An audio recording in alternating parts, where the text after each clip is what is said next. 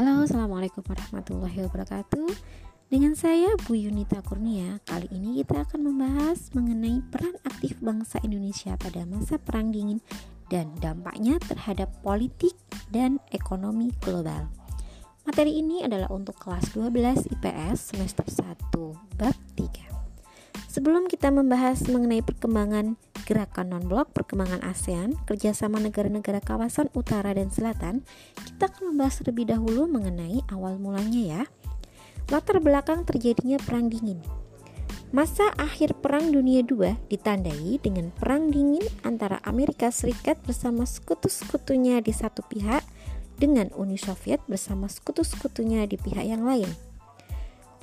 Woodrow Wilson selaku Presiden Amerika Serikat ketika itu mengemukakan bahwa imperialisme dan nasionalisme harus disalahkan atas pecahnya konflik itu.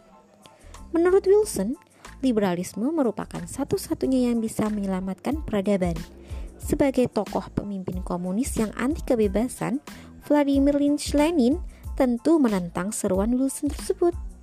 Sejak saat itu, Kebijakan Amerika Serikat dan Uni Soviet banyak bertolak belakang, sehingga perkembangannya berpotensi menjadi konflik ideologi yang meresahkan. Bahkan, pada kelanjutannya, Amerika Serikat tidak pernah memberikan pengakuan diplomatik terhadap Uni Soviet hingga tahun 1933.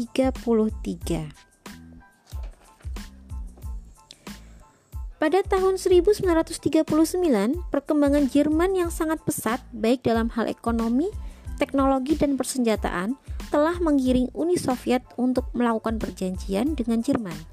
Melalui menteri luar negeri masing-masing, mereka sepakat untuk tidak saling menyerang. Peristiwa inilah yang kembali memperburuk hubungan antara Amerika Serikat dengan Uni Soviet. Perang dingin yang terjadi akibat perseteruan antara Amerika Serikat dan Uni Soviet tidak terjadi dengan sendirinya. Di balik perseteruan tersebut, ada faktor-faktor yang melatar belakanginya. Apa saja yang melatar belakangi perang dingin? Yuk, mari kita dengarkan podcast selanjutnya ya.